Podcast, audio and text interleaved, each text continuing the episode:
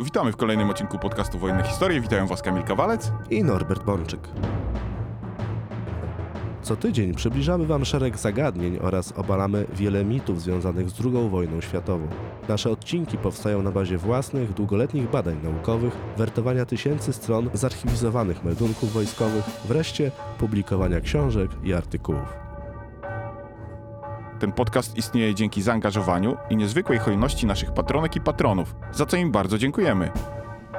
Jeżeli ty też uważasz, że warto zostać naszym patronem, możesz wesprzeć nas wpłatą w serwisie Patronate pod adresem patronate.pl łamane na podcast Wojenne Historie. Norbert, jak wszyscy wiemy, 3 września 1939 roku Wielka Brytania wypowiedziała Hitlerowi wojnę. W tym czasie Wielka Brytania była potęgą morską i była potęgą lotniczą. Ale żeby realnie zwyciężyć Rzeszę niemiecką, trzeba było pokonać ją przede wszystkim na lądzie. I tu moje pytanie, czy Brytyjczycy mieli ku temu potencjał w 1939 roku, w momencie wybuchu wojny? I jak wielką siłą dysponowało to mocarstwo? Wielka Brytania nie dysponowała potencjałem umożliwiającym pokonanie Niemców. To znaczy, tak jak słusznie powiedziałeś, Rzesza Niemiecka była przede wszystkim potęgą kontynentalną. W analizie wszystkich mocarstw jasno stało, że żeby zwyciężyć Niemcy, trzeba je po prostu pokonać na lądzie. Oczywiście można je osłabić blokadą morską, można nawet zniszczyć przemysł Rzeszy nalotami strategicznymi, ale na takiego już pokonanego, osłabionego przeciwnika i tak musi na końcu uderzyć armia lądowa. I zresztą taką koncepcję już w roku 1939 mieli Brytyjczycy i Francuzi, aby zanim nastąpi decydujące, rozstrzygające starcie na lądzie, osłabić, zniszczyć Niemcy na przykład paraliżem handlu, gospodarki, zniszczeniem przemysłu przy użyciu lotnictwa, wyeliminowaniem sojuszników Hitlera. I tak naprawdę ani Francja, ani Anglia, kiedy budowały w 1939 roku swoją strategię wojny z Niemcami, nie chciały szybkiej konfrontacji lądowej, ponieważ miały pełną świadomość, że nie będzie to korzystne, ponieważ Hitler miał nad Francją i nad Wielką Brytanią wyraźną przewagę na lądzie, nie tylko tak naprawdę na lądzie, w powietrzu w gruncie rzeczy, zwłaszcza nad Francją też ale alianci szukali różnych rozwiązań, bo wiedzieli, że nie stać ich tak naprawdę na decydującą ofensywę lądową tymi siłami, które mają, bo są na to za słabi. A szczególnie tą słabość prezentowała sobą Wielka Brytania. Jak zauważyłeś, Brytyjczycy byli wówczas wielką potęgą morską i mieli bardzo silne lotnictwo, dlatego że silnym lotnictwem i silną flotą Brytyjczycy wiedzieli, że przynajmniej ochronią własną wyspę, a także będą w stanie utrzymywać relacje, kontakty ze swoimi koloniami, dominiami. Natomiast piętą achillesową armii brytyjskiej w okresie międzywojennej, British Army, były wojska lądowe. Miały one bowiem najniższy priorytet. Lotnictwo lotnictwo tak, marynarka wojenna tak, wojska lądowe muszą poczekać. W efekcie w latach 30. Brytyjczycy mieli zupełnie niedoinwestowane siły zbrojne. Mimo, że mieli potężny przemysł zbrojeniowy, mieli oficerów, którzy na przykład głosili niezwykle nowoczesne idee rozwoju i modernizacji sił zbrojnych, armia brytyjska była tak naprawdę nie zacofana, bo ona była technicznie dość nowoczesna, ale była niezwykle mała, do tego Brytyjczycy mieli dosyć specyficzny podział w ramach swoich sił zbrojnych, dlatego że armia dzieliła się na armię regularną i na armię terytorialną. Ta druga z definicji była przede wszystkim nastawiona na obronę własnego terytorium, natomiast armia regularna miała charakter wojsk ekspedycyjnych, to znaczy te siły można było wykorzystać w pierwszej kolejności na przykład do działań na kontynencie europejskim. I ta słabość Brytyjczyków była tak duża na lądzie, że oni w połowie lat lat 30. właściwie przyjmowali, czy raczej godzili się ze strategią, własną strategią, że oni nie mogą wysłać żadnych sensownych wojsk na kontynent. No bo po prostu żadnych sensownych wojsk nie mają. Innymi słowy, armia brytyjska nie dysponowała korpusem ekspedycyjnym, który można byłoby wysłać do Francji czy przeciwko Niemcom. I Brytyjczycy w 36, 37, w 38 roku, w czasach, kiedy właśnie w jakimś zakresie mieli dosyć ugodową politykę wobec Hitlera, mówili, mówili na przykład Francuzom, że jak dojdzie co do czego w tym momencie, na przykład w 37 czy w 38 roku, to niech Paryż nie liczy na żadne wojska brytyjskie, bo właściwie Londyn nie ma żadnej armii regularnej, wartej uwagi, że nie przybędą, no bo po co mają przybyć? Żeby zginąć? Że Wielka Brytania może oddziaływać potęgą morską, potęgą lotniczą, potęgą gospodarczą, ale nie wojskiem lądowym. To był problem. Trudno się dziwić, że to był problem w państwie, które miało armię zawodową, gdzie nie obowiązywał pobór. A czy podczas tego narastającego w Europie od 1936 roku wyścigu zbrojeń, Brytyjczycy widząc niemieckie zagrożenie zaczęli rozbudowywać mimo wszystko te wojska lądowe? Brytania nie była ślepa. Oczywiście, że rząd w Londynie widział narastające zagrożenie i od 1936 roku również Wielka Brytania zaczęła stopniowo, rok w rok wzmacniać budżet obronny, gwałtownie wręcz go podnosząc. No jeżeli porównamy budżet z początku lat 30., a w roku budżetowym 38-39, no to można powiedzieć, że w tym czasie Wielka Brytania dziesięciokrotnie zwiększyła wydatki na obronę. Oczywiście, że Brytyjczycy od 36-37 roku nie mieli już złudzeń, zbroili się, tylko że znów priorytety to marynarka wojenna, lotnictwo, obrona przeciwlotnicza, rozwój nowych środków walki, takich jak na przykład radar. Wojska lądowe były zawsze na końcu tego procesu. To znaczy najmniej pieniędzy dostawała właśnie British Army. Do 38 roku włącznie, do kryzysu czechosłowackiego, armia brytyjska, armia ekspedycyjna była właściwie fikcją. Brytyjczycy byli w stanie zaangażować około czterech dywizji, pięciu dywizji do tego typu działań na lądzie, ale to były siły śmieszne. W kontekście budowania potencjalnej koalicji z Francją to była żadna wartość. Ale było wiadomo, że dłużej tak to nie może funkcjonować. W rozmowach francusko-brytyjskich Francuzi wyraźnie podkreślali, że tak jak w czasach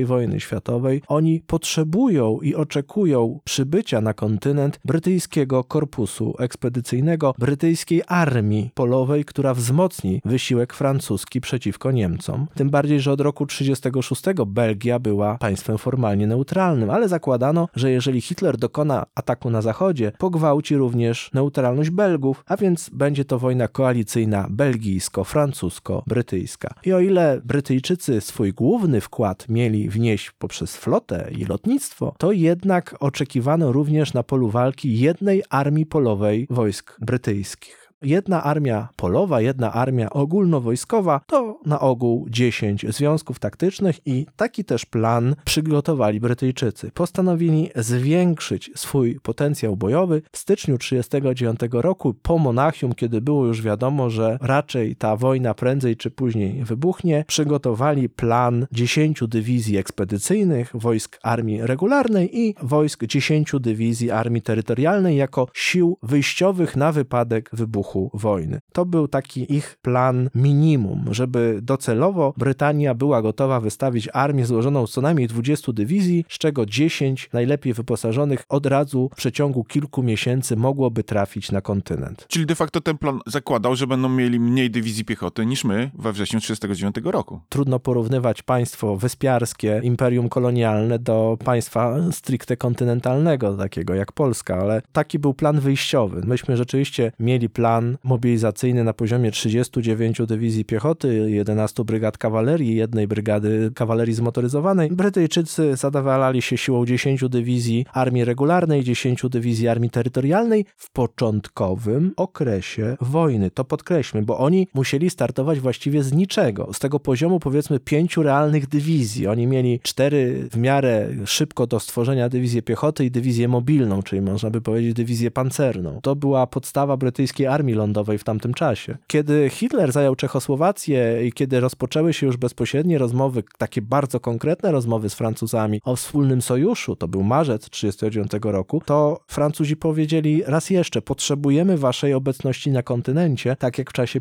I wojny światowej i potrzebujemy, żeby to był jak największy wasz udział. W kwietniu 1939 roku Brytyjczycy przygotowali kolejną koncepcję. Mówiła ona o sześciu dywizjach armii regularnej, 26 dywizjach liniach terytorialnych. Czyli w tym momencie Brytyjczycy zwiększyli swoje zapowiadane możliwości bojowe na lądzie do poziomu 32 dywizji. Jak widzisz tu, Kamilu, no już zaczęli się do nas zbliżać. A czy te wojska dalej miały być wojskami zawodowymi? No, z racji tak znaczącego planu rozbudowy sił zbrojnych, no nie można już było polegać na armii zawodowej. Wiosną 1939 roku, w kwietniu 1939 roku Wielka Brytania przywróciła pobór wojskowy, aby móc zacząć tworzyć te dywizje, które zapowiedziała, bo przecież ich nie było. Gdyby wojna wybuchła za chwilę, Brytyjczycy mogliby wspomóc Francuzów czterema, pięcioma dywizjami. To było wszystko. A potem stopniowo dopiero rozbudowywać potencjał bojowy swojej armii lądowej. I już wówczas, wiosną 1939 roku, Brytyjczycy powiedzieli Francuzom, panowie, jeżeli wojna wybuchnie, to w ciągu pierwszego miesiąca wojny możecie się spodziewać przysłania czterech naszych dywizji piechoty. Tyle możemy wam zagwarantować na dzień dobry. Co do reszty, to będziecie musieli czekać, aż my te dywizje odtworzymy, przeszkolimy, wyposażymy w sprzęt i wyślemy do Europy. Rozumiem, że ta propozycja dla Francuzów była mocno rozczarowująca. Nie, Francuzi stwierdzili OK, chociaż to akurat angielskie określenie. Natomiast Francuzi przyjęli to do wiadomości bo nie można oczekiwać od partnera rzeczy niemożliwych. Jeżeli w kwietniu 1939 roku Wielka Brytania przywróciła pobór wojskowy, to potrzeba czasu, a poza tym bardzo ważnym elementem jest również oprócz człowieka sprzęt. Ten sprzęt został już opracowany i zamówiony, ale fabryki muszą go wyprodukować. W związku z czym Brytyjczycy jeszcze reorganizowali swoją armię, na przykład rozwiązali dywizję mobilną, dywizję pancerną, przekształcali ją, potem znowu ją tworzyli, tworzyli samodzielne brygady dla sił ekspedycyjnych. Dlatego powiedzieli, że na dzień dobry będą cztery dywizje piechoty. Pierwsza, druga, trzecia i czwarta dywizja piechoty armii regularnej, nasze super świetnie wyposażone, wyszkolone dywizje przybędą powiedzmy w pierwszym miesiącu konfliktu. Ale liczcie raczej, że po tych 30 dniach i teraz, kiedy mówimy o roku 1939, kiedy mówimy o wojnie koalicyjnej, gdzie z jednej strony jest Polska, z drugiej strony Wielka Brytania i Francja, jeżeli ktoś w Polsce liczył na to, że po sześciu czy ośmiu tygodniach wojny z Niemcami Zachód się ruszy i przeprowadzi jakąś generalną ofensywę na Nadrennie, to taki pogląd był właściwie oderwany od rzeczywistości. Oczywiście w Warszawie my mieliśmy świadomość tego, że armia brytyjska lądowa jest słaba. My przede wszystkim liczyliśmy we wrześniu 1939 roku na większą aktywność armii francuskiej. Nie byliśmy tutaj naiwni, ale nie zdawaliśmy sobie sprawy do końca z tego, jak bardzo z kolei Francuzi swoje większe operacje zaczepne uzależniają od obecności armii brytyjskiej na kontynencie, bo oni byli gotowi do dużej zbrojnej demonstracji na naszą rzecz, mówię o Francuzach, ale nie do generalnej ofensywy bez Brytyjczyków. To znaczy, Francja i Anglia nie miały kart one wiedziały, że są słabe. One szykowały się do długotrwałej wojny, która będzie trwała latami. Właściwie wielka generalna ofensywa na Nadrennie nie mogła rozpocząć się wcześniej niż w roku 1941, jeżeli za punkt wyjścia wybuchu wojny weźmiemy rok 39.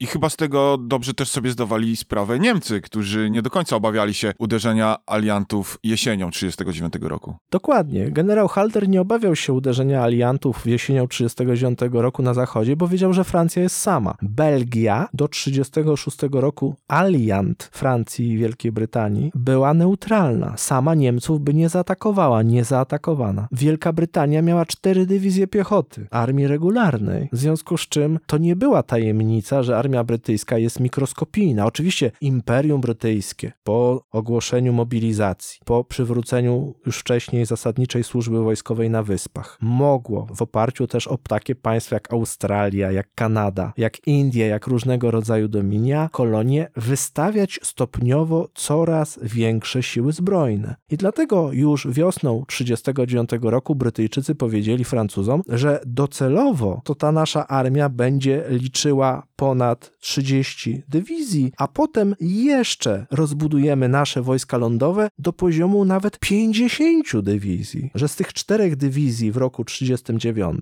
w roku 1941 my, Brytyjczycy, damy w ramach wiana koalicyjnego 50 dywizji wojsk lądowych. Tylko Brytyjczycy mówili, w ciągu pierwszych sześciu miesięcy wojny możemy dać do Europy 10 dywizji. W ciągu łącznie 12 miesięcy wojny kolejnych 10, czyli do września 40 roku, licząc, że wojna wybucha 1 września 39, możemy zaoferować na kontynencie 20 własnych dywizji wojsk lądowych. Jeżeli dacie nam kolejny rok, to do września roku 41 doślemy jeszcze 30, czyli we wrześniu 41 roku armia brytyjska we Francji będzie liczyła 50 dywizji, z czego 32 brytyjskie, armii regularnej i terytorialnej, 4 hinduskie z Indii oraz 14 z Dominiów, wojska kanadyjskie, australijskie, nowozelandzkie i tak dalej. Czyli według tego planu Brytyjczycy nie zakładali konfliktu światowego zarówno w Afryce, jak i na Dalekim Wschodzie. Zakładali, dlatego że koncepcja wojny europejskiej zakładała, że Włochy będą sojusznikiem Niemiec i że konflikt będzie toczył się nie tylko pomiędzy Niemcami a aliantami, ale również Włochy wystąpią po stronie Berlina. W związku z czym, no, Brytyjczycy mówili, że część sił trzeba będzie przerzucić na inne odcinki frontu. Francuzi to doskonale rozumieli, bo oni również musieli trzymać wojska w Tunezji na granicy z Libią, musieli trzymać wojska na granicy z Włochami, musieli trzymać wojska w Pirenejach na granicy z Hiszpanią. Oni również byli częściowo związani na obszarach swojej odpowiedzialności. Natomiast Brytyjczycy mówili, że w najbardziej optymalnym rozwoju wypadków armia brytyjska na kontynencie europejskim, pomijam inne obszary operacyjne, będzie mogła zaangażować nawet 50 dywizji ale nie będzie to możliwe wcześniej niż po dwóch latach od momentu zaistnienia konfliktu, bo tyle Brytyjczykom zajmie budowa zaplecza, uzbrojenia, przeszkolenia, stworzenia tak wielkiej armii, która przecież ma być ponad dziesięciokrotnie większa od tego, co mamy na punkcie wyjścia. No bo jeżeli zaczynamy od powiedzmy pięciu dywizji, a deklarujemy 50, no to potrzeba na to czasu. I o ile przed wojną w 36, 37, 38, jeszcze w 39 roku ten czas Brytyjczycy przede wszystkim wykorzystali na budowę swojego lotnictwa, obrony przeciwlotniczej, ponowne uruchomienie rozbudowy floty, o tyle rozbudowa wojska lądowego musiała poczekać. Najpierw Spitfire i Hurricane'y, a potem czołgi, armaty i dywizje piechoty. W związku z czym samoloty były gotowe na bitwę o Anglię na przykład w roku 40, ale armia lądowa nie była jeszcze gotowa do wielkich operacji w roku 40. I do końca września 39 roku ponad 150 tysięcy żołnierzy brytyjskich znalazło się na terytorium Francji. To były siły, można by powiedzieć, z jednej strony niewielkie, 150 tysięcy żołnierzy, z drugiej strony o pełnej mechanizacji. Mówimy o 25 tysiącach na przykład samochodów, motocykli, ciągników, które znalazły się razem z armią brytyjską. Mówimy o przerzuceniu przez kanał na przykład 40 tysięcy ton amunicji i tak dalej, i tak dalej. W październiku, kiedy my dogorywamy, kiedy generał Kleberg poddaje się pod Kockiem, armia brytyjska we Francji stoi czterema dywizjami. Pierwszy korpus, pierwsza i druga dywizja piechoty i drugi korpus, trzecia i czwarta dywizja piechoty. Co Brytyjczycy mieli, to przysłali. No bo rozumiem, że wtedy do obrony Wysp Macierzystych została tylko armia terytorialna, czyli niewielki komponent tych sił. Armia terytorialna, która też się dopiero musiała w pewnym sensie rozwijać, plus nowo tworzone dywizje armii regularnej, które się zgrywały, formowały na terenie Wielkiej Brytanii, po czym spływały powolutku na teren Francji. Piąta dywizja piechoty, czyli w ogóle piąta dywizja brytyjskiego korpusu ekspedycyjnego, czyli British Expeditionary Force, przybędzie na kontynent dopiero w grudniu 1939 roku. Więc gdyby Hitler zrealizował swój trochę szalony plan i zaatakował tak, jak planował w listopadzie, listopadzie 1939 roku Francję, to wówczas Brytyjczycy mogliby pomóc Francuzom zaledwie czterema dywizjami piechoty, plus siły wsparcia szczebla korpusu i dowództwa korpusu ekspedycyjnego. Tak naprawdę kolejne dywizje przybywały od stycznia 40 roku i do momentu rozpoczęcia ofensywy Hitlera wiosną 40 roku łącznie Brytyjczycy, tak jak obiecali, przesłali na kontynent 10 dywizji. Wiosną 40 roku również zaczęto przerzucać na kontynent europejski nie do końca jeszcze sformowane kolejne trzy dywizje 12, 23 i 46. Więc łącznie 10 maja 40 roku, w momencie kiedy armia niemiecka rozpoczęła swoją generalną ofensywę na zachodzie, Brytyjczycy mieli 10 dywizji piechoty i 3 niepełne dywizje piechoty we Francji. To był cały ich potencjał bojowy. Potem w ramach walk w maju i czerwcu 40 roku przerzucą jeszcze na kontynent pierwszą dywizję pancerną oraz 52 dywizję piechoty, więc można powiedzieć, że w kampanii roku 40 całe zaangażowanie armii brytyjskiej było do poziomu 15 związków taktycznych realnie na froncie. Czyli rozumiem, że Brytyjczycy do Europy wysyłali po prostu wszystko, co mieli. Tak, dokładnie. Brytyjczycy mieli po prostu gigantyczny problem. Kiedy byłem jeszcze redaktorem naczelnym czasopisma Poligon, jeden z naszych wybitnych badaczy, doktor habilitowany Wojciech Mazur, publikował w Poligonie serię artykułów Szczeliny w pancerzu. Badając brytyjskie archiwa pod kątem wydarzeń roku 1939, badał tą gotowość armii brytyjskiej, tej British Army do działania w roku 1939. No i te jego badania przyniosły wiele bardzo ciekawych konkluzji, dlatego że okazało się, że kiedy 1 września 1939 roku wybuchła II wojna światowa, a Wielka Brytania była gotowa i zrobiła to trzy dni później przyłączyć się do tej wojny po stronie Polski, a tak naprawdę po prostu przeciwko Niemcom, to armia brytyjska była kompletnie nieprzygotowana do czegokolwiek, ponieważ przemysł dostał już zamówienia na nowy sprzęt, ale ten sprzęt jeszcze nie przyszedł. I to był bardzo złożony, skomplikowany skomplikowany proces. Brytyjczycy nie tyle co zaspali moment wybuchu wojny, bo ich flota, ich lotnictwo mimo wszystko miały już pewną wysoką gotowość bojową, także w zakresie nowego sprzętu, przeszkolenia, głębi zdolności. Ale armia lądowa to po prostu Brytyjczycy się spóźnili i w roku 1939 nie byli gotowi do prowadzenia działań na lądzie. Tym bardziej, że etaty były gigantyczne. Oni dla swoich British Expeditionary Force, brytyjskie dywizje miały otrzymać według etatu ponad 500 pojazdów pancernych i opancerzonych, ponad 420 lekkich i 288 ciężkich dział przeciwlotniczych, 624 armaty przeciwpancerne, 968 lekkich dział polowych, 48 ciężkich dział polowych, 224 średnie działa polowe, 1300 moździerzy, ponad 10 tysięcy CKM-ów i RKM KM-ów, czy nawet 6 tysięcy karabinów przeciwpancernych. To był etat dla 10 dywizji piechoty. Ale w magazynach brytyjskich było często bardzo niewiele z tego, co przewidywał etat. Chyba najbardziej kuriozalna sytuacja dotyczyła na przykład lekkich dział przeciwlotniczych kalibru 40 mm, gdzie Brytyjczycy zdecydowali się na szwedzkiego Boforsa, tylko że kiedy wybuchła wojna, to oni mieli w sumie tylko do dyspozycji 230 takich armat dla całej całej armii. I żeby było jeszcze śmieszniej, oni kupili licencję, ale też kupowali te armaty za granicą. Po prostu zgłosili się do Boforsa i powiedzieli: sprzedajcie nam te armaty do Szwecji. A Szwedzi powiedzieli: dobra, ale ponieważ my mamy taką małą fabryczkę tu u siebie, to przekierujemy wasze zlecenie na naszych podwykonawców w Polsce, na Węgrzech. I w 1939 roku do Wielkiej Brytanii w ramach eksportu szły polskie Boforsy 40 mm przeciwlotnicze. I tak samo szły przeciwpancerne, bo Brytyjczycy mieli własną armatę przeciwpancerną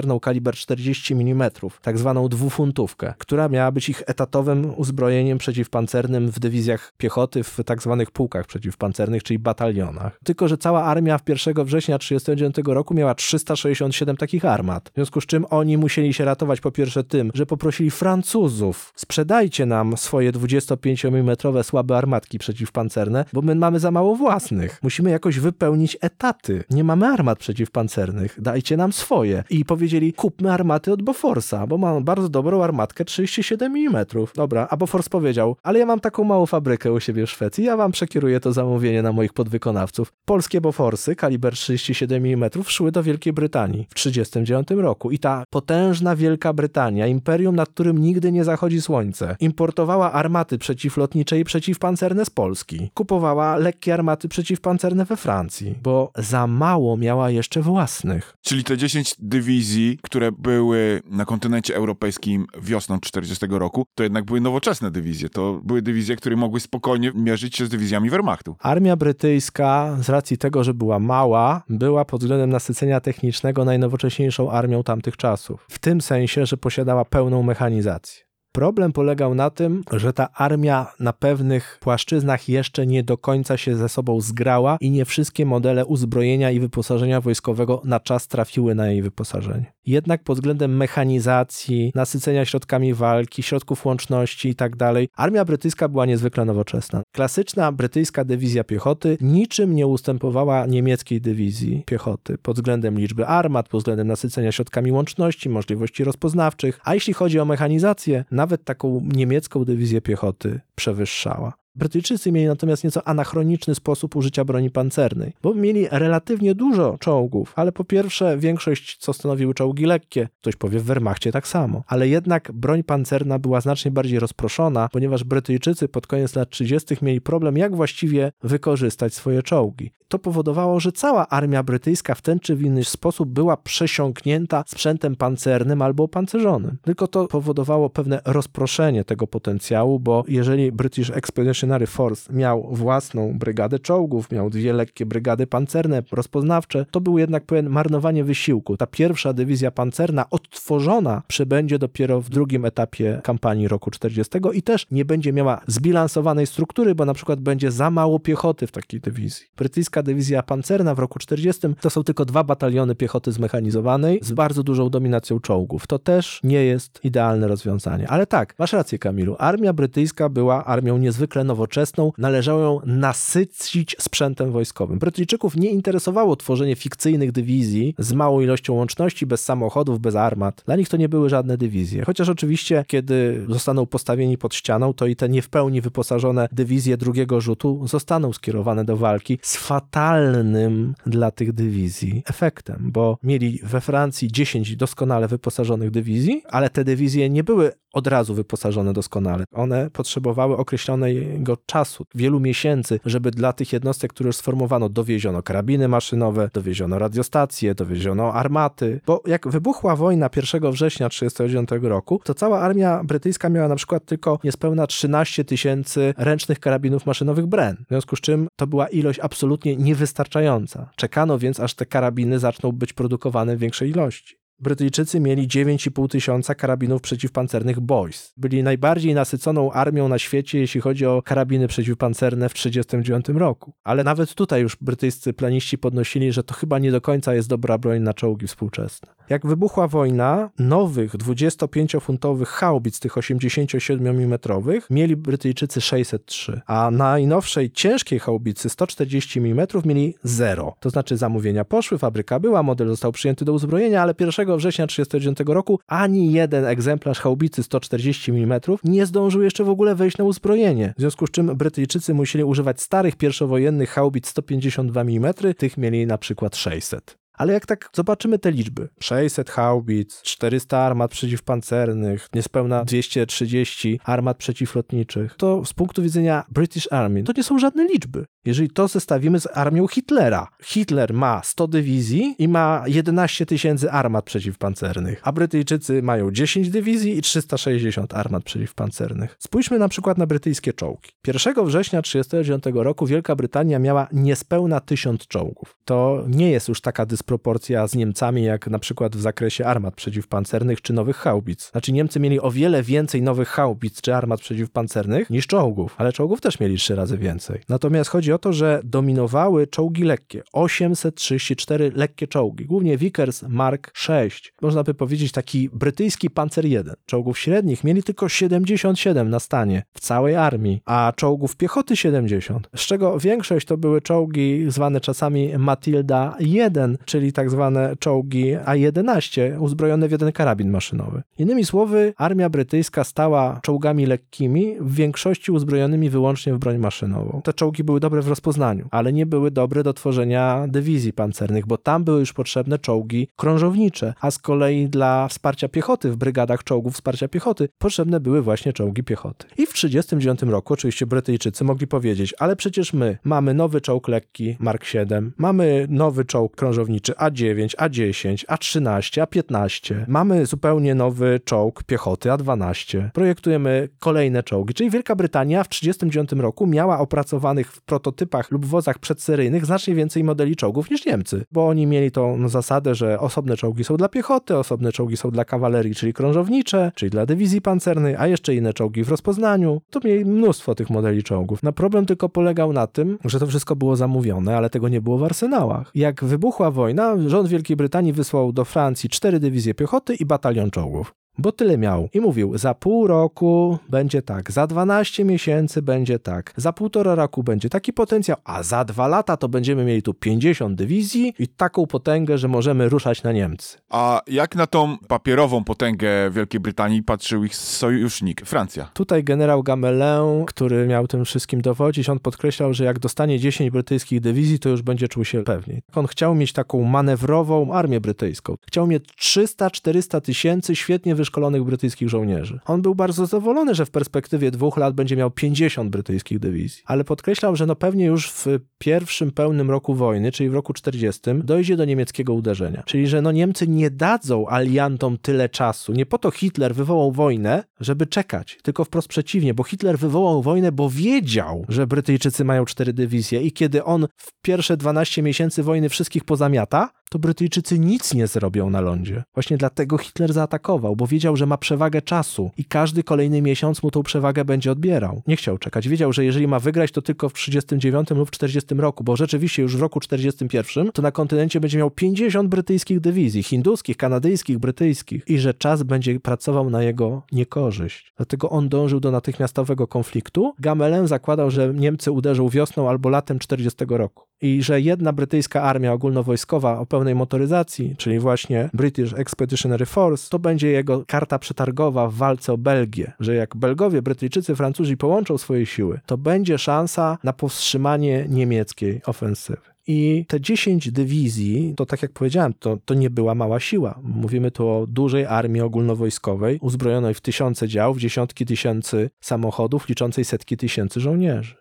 Brytyjczycy realizowali mniej więcej swój plan. Do 10 maja 40 roku sprowadzili te 10 dywizji piechoty. To była nowoczesna armia. Armia, wojsko, siły zbrojne to system. Brytyjskie siły ekspedycyjne miały charakter systemowy. Te dywizje były otoczone całym szeregiem oddziałów wsparcia i zabezpieczenia. Czyli już na poziomie dowództwa armii, zwanego dla niepoznaki korpusem ekspedycyjnym, a to była armia ogólnowojskowa, były siły podlegające głównodowodzącemu. I to było na przykład 8 batalionów saperów, 3 brygady obrony przeciwlotniczej, to było kilkanaście pułków artylerii szczebla odwodowego, była brygada czołgów, dwie lekkie brygady pancerne, czyli tak naprawdę zmechanizowane pułki rozpoznawcze, bo musimy wiedzieć, że Brytyjczycy nadużywali słowa pułk i brygada dla jednostek tak naprawdę mniejszych. Kiedy gdzieś walczy brytyjski pułk, to tak naprawdę często walczy batalion, a gdzie walczy brygada, tam walczy pułk. To wynika z pewnej specyfiki armii brytyjskiej, bo na przykład jak weźmiemy brytyjską dywizję piechoty, to ona nie dzieli się na trzy pułki piechoty po trzy bataliony, tylko na trzy brygady po trzy bataliony piechoty. W każdym bądź razie, no, brytyjska dywizja dywizja piechoty miała wsparcie sił korpuśnych, armijnych. Armia brytyjska w 1940 roku to są trzy korpusy. Pierwszy korpus, drugi i trzeci korpus ogólnowojskowy. W pierwszym korpusie mamy pierwszą, drugą i 48 dywizję piechoty. Do tego mamy, tak jak powiedziałem, wsparcie korpuśne, cztery pułki artylerii, pułk obrony przeciwlotniczej, trzy samodzielne kompanie saperów i tego typu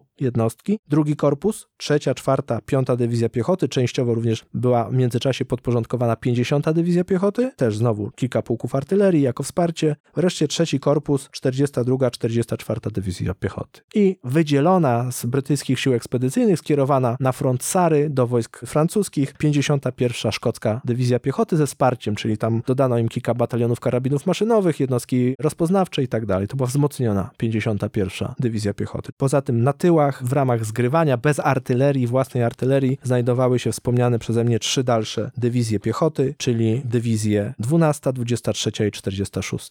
Potem przybędą jeszcze 52 Dywizja Piechoty i 1 Dywizja Pancerna i to łącznie daje nam 15 związków taktycznych, nie licząc tych wszystkich brygad czołgów czy jednostek artylerii, o których wspomniałem. No jeszcze do tego przybyły do obrony Calais Boulogne 20 i 30 Brygada Piechoty, ale to nie były związki taktyczne w pełnym tego słowa znaczeniu, ale możemy, musimy je odnotować. Natomiast ta 12, 23 czy 46 Dywizja nie były pełnowartościowymi związkami taktycznymi i kiedy Niemcy przełamali się w Ardenach i kiedy wyszli w ogóle na tyły brytyjskiego korpusu ekspedycyjnego, to pododdziały tych trzech dywizji zostały rzucone na front i zostały natychmiast zmielone przez Niemców, ponieważ wojna to system. Brytyjski korpus ekspedycyjny w Belgii bił się bardzo dobrze. Gdzie Niemcy zaatakowali, Brytyjczycy potrafili wyprowadzić skuteczny kontratak, potrafili się skutecznie bronić, bo dywizje, korpusy i armia były włączone w system walki. Kiedy gdzieś Niemcy się przełamali, to zbudowanie własnego systemu walki było bardzo trudne. Można było rzucić bataliony i pułki piechoty, ale bez wsparcia artylerii, bez odpowiedniego nasycenia środkami PEPANC, bez obrony przeciwlotniczej wobec wroga, który ma przewagę w powietrzu, one były bezsilne. I te brytyjskie dywizje, bez czołgów, bez armat, były tak samo rozjeżdżane jak nasze dywizje. Jak wielką zatem porażką dla Anglików była ta kampania francuska i utrata tych wszystkich tworzonych z wysiłkiem 10 dywizji. Wiosną 40 roku armia brytyjska na kontynencie, łącznie z siłami, które przybywały z odsieczą w czerwcu, czyli 52 Dywizja Piechoty, czy w maju, jak ta pierwsza dywizja pancerna, to łącznie Brytyjczycy skierowali na kontynent w ramach British Army 440 tysięcy swoich żołnierzy z czego wróciło z powrotem na wyspy no prawie 370 tysięcy. Straty ludzkie to jest 66 tysięcy żołnierzy, z czego zabitych 11 tysięcy, rannych 14 tysięcy, a wziętych do niewoli przez Niemców ponad 40 tysięcy żołnierzy. Natomiast utracono praktycznie cały sprzęt ciężki.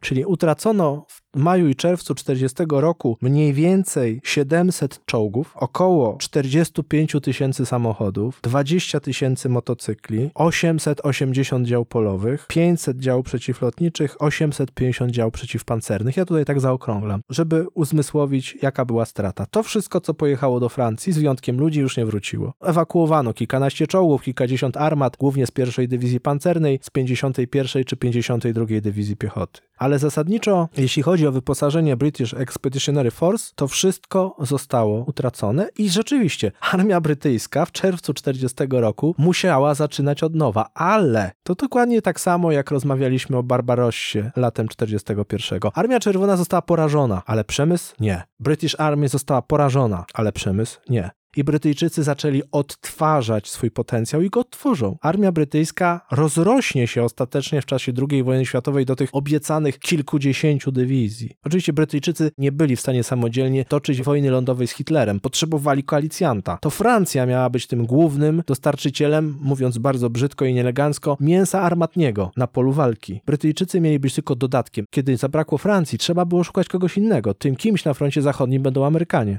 W 1944 i w 1945 roku Brytyjczycy będą dodatkiem do armii amerykańskiej, ale będą dodatkiem silnym, to znaczy takim, jakim chcieli być wobec Francuzów w perspektywie roku 1941, czyli armią liczącą kilkadziesiąt dywizji na obszarach operacyjnych Francja, Włochy, Bliski Wschód, Daleki Wschód, no to tam jeszcze dochodzi kwestia armii hinduskiej. Zresztą jednostki hinduskie, indyjskie walczyły również w Europie. Wyraźnie to podkreślmy. Jeżeli my mówimy o możliwościach aliantów zachodnich w perspektywie kampanii roku 39. Oni na lądzie byli właściwie bezsilni, bo armia francuska również miała szereg swoich problemów, o których opowiemy w innym odcinku. I ona nie dysponowała możliwością, nie wiem, rzucenia na Niemcy 100 dywizji, zwłaszcza we wrześniu 1939 roku. A tym bardziej generał Gamelin nie chciał podejmować żadnych decydujących działań bez poczucia pomocy ze strony swojego potężnego, ale na swój sposób wyspiarskiego alianta. Czyli Brytyjczycy musieli przybyć większymi siłami, żeby w ogóle zachęcić Francuzów, czy sprawić, żeby oni nabrali większego wigoru do dużych działań ofensywnych. No, kiedy Polska upadała we wrześniu 1939 roku, żadnych sensownych sił brytyjskich lądowych na kontynencie europejskim nie było. Tak jak powiedziałem, przez miesiąc wrzesień nastąpiła relokacja, przerzut do Francji dwóch brytyjskich korpusów o sile czterech dywizji piechoty. To było wszystko. Nie można było oczekiwać, że Brytyjczycy zrobią cokolwiek więcej. No, od państwa, które w kwietniu 1939 roku przywróciło pobór, zasadniczą służbę wojskową. To była jawna i oczywista sprawa. Znaczy, Brytyjczycy założyli, że wojna w Europie przeciwko Hitlerowi będzie wojną koalicyjną, że potrzebny jest silny aliant na wschodzie i potrzebni są silni alianci na zachodzie. Zakładali, że w roku 1941 połączone siły francusko-brytyjskie będą już na tyle silne, silne, że będą mogły podjąć zmasowane operacje zaczepne przeciwko Rzeszy po uprzednim wyeliminowaniu Włoch czy obezwładnieniu niemieckiego przemysłu zbrojeniowego siłami lotnictwa. jednocześnie w tej strategii brytyjskiej potrzebny był silny aliant wschodni. No tym aliantem był oczywiście Związek Radziecki. Historia potoczyła się nieco odmiennie, bo zamiast Francuzów pojawili się na zachodzie Amerykanie. Trzeba było odbijać całą Francję. Co do innych elementów, to można by powiedzieć, że koniec końców brytyjska strategia w jakimś zakresie spracowała, ale ta brytyjska strategia też jednak w czasie wojny się zmieniała. Jeżeli uznamy, że celem nadrzędnym i jedynym było pokonanie Rzeszy Niemieckiej, no to Brytyjczycy zrealizowali z dużym jednak opóźnieniem swoją strategię. Natomiast ten obraz świata, jaki wyłonił się po II wojnie światowej, był odmienny i bardzo daleki od tego, na czym zależało Brytyjczykom. Zresztą Brytyjczycy już w momencie wybuchu II wojny światowej znajdowali się w bardzo ciężkiej sytuacji. Dzisiaj współcześnie niektórzy historycy brytyjscy nawet zadają takie pytanie wprost i piszą książki o takich tytułach. Po co była nam ta wojna? To znaczy chodzi o to, że już w, w latach 30. Bryta Wielka Brytania była na przykład poważnie zadłużona w Stanach Zjednoczonych i miała określone problemy gospodarcze. Nowa wojna światowa przerastała ekonomicznie możliwości Wielkiej Brytanii, bo Wielka Brytania, żeby pokonać Hitlera, musiała zadłużyć się na poziomie 200% swojego PKB, czyli dokładnie na takim samym poziomie jak w czasie walki z Napoleonem. Natomiast nie uzyskała benefitów w wyniku II wojny światowej, odwrotnie niż w wyniku wojen napoleońskich, które dały Wielkiej Brytanii pozycję dominującą i pozwoliły jej gospodarce na wielki rozkwit. Natomiast po II wojnie światowej nic takiego nie nastąpiło, w związku z czym Wielka Brytania jako mocarstwo zaczęła się gwałtownie chylić ku upadkowi to, że Wielka Brytania jako imperium nie przetrwa nowej wojny światowej, było raczej oczywiste już przed wybuchem tej wojny, a jednak i mimo to Brytyjczycy zdecydowali się na wojnę z Hitlerem. Więc kiedy my często mówimy o tym, że Wielka Brytania rzuciła nas na pożarcie Hitlerowi w pierwszej kolejności lub coś w tym rodzaju, to pamiętajmy, abstrahując od tego, że jest to nieprawda, albo że co najwyżej możemy to potraktować jako temat do dyskusji. Natomiast Brytyjczycy sami byli słabi, a mimo to wypowiedzieli wojnę Hitlerowi i stanęli przeciwko niemu. Jako lider światowej koalicji antyhitlerowskiej, bo to Wielka Brytania była motorem wypowiedzenia wojny Hitlerowi. Gdyby Londyn nie wypowiedział wojny Rzeszy, Francja nie wypowiedziałaby w 30 1939 roku wojny Hitlerowi. W związku z czym ten lider koalicji antyhitlerowskiej w 1939 roku miał cztery dywizje armii regularnej, które mógł natychmiast zaangażować do walki. Natychmiast to znaczy po miesiącu. I to też powinno ważyć w naszej analizie postawy rządu Wielkiej Brytanii w roku 1939. To znaczy, jakimi przesłankami kierowali się Brytyjczycy. Ich nadrzędnym przesłaniem była budowa wielkiej koalicji do długotrwałej, wielkiej, długiej wojny, a nie jakaś gwałtowna, szybka akcja natychmiast pomóc Polakom we wrześniu 1939. Oni właściwie nam to przecież powiedzieli, że na żadne szybkie akcje nie możecie liczyć, ale niezależnie od tego, co rząd brytyjski nam powiedział, czy czego nam nie powiedział, nie było dla nas tajemnicą, że armia brytyjska ma tyle dywizji, ile ma, że rząd brytyjski nie ma dużej armii lądowej, aczkolwiek niespodzianką było dla nas to, że te brytyjskie fabryki, że te brytyjskie arsenały są takie puste, że to wszystko dopiero rusza, że my przyszliśmy po samoloty, po czołgi, po broń, a Brytyjczycy powiedzieli, no nie mamy, no bo nie mieli. My, Rumuni, Grecy, Turcy, przychodzili i mówili, dajcie nam broń, a oni mówili, no coś wam damy, ale zobaczcie, z czym my sami stoimy. Od was kupujemy armaty przeciwpancerne i przeciwlotnicze. Kiedy brytyjska armia lądowała we Francji, Francuzi się cieszyli, to brytyjscy generałowie przylatywali do Paryża i mówili, panowie, no armia przybywa, ale nie mamy tego, nie mamy tego, nie mamy tego. Tu jest 30% ukompletowania, tu jest 15, tu jest 50. Panowie, no to może przykra sprawa, ale sprzedajcie nam armaty przeciwpancerne. Nie cenimy waszych 25 mm malutkich armatek przeciwpancernych. Uważamy, że to złom, ale sprzedajcie, bo własnych w ogóle nie mamy, więc jakiś musimy mieć, więc kupimy od was. Musimy mieć świadomość tego, że Wielka Brytania od początku planowała długą wojnę. Nie 6-8 tygodni i główne uderzenie na zachodzie. Coś takiego w ogóle nie wchodziło w grę. W związku z czym my byliśmy zresztą o tym częściowo poinformowani, częściowo niepoinformowani. To jest bardzo złożone i skomplikowane zagadnienie. To jest kwestia też przypływu informacji, ale kluczowe jest coś innego. Należy uświadomić sobie, sobie potencjał militarny Francji i Wielkiej Brytanii w roku 1939. Najbardziej jaskrawym przykładem słabości tego potencjału militarnego w roku 1939 jest właśnie potencjał British Army. No, myślę, że to najlepsza puenta dzisiejszego odcinka, za który Ci bardzo dziękuję i do usłyszenia. Dziękuję bardzo.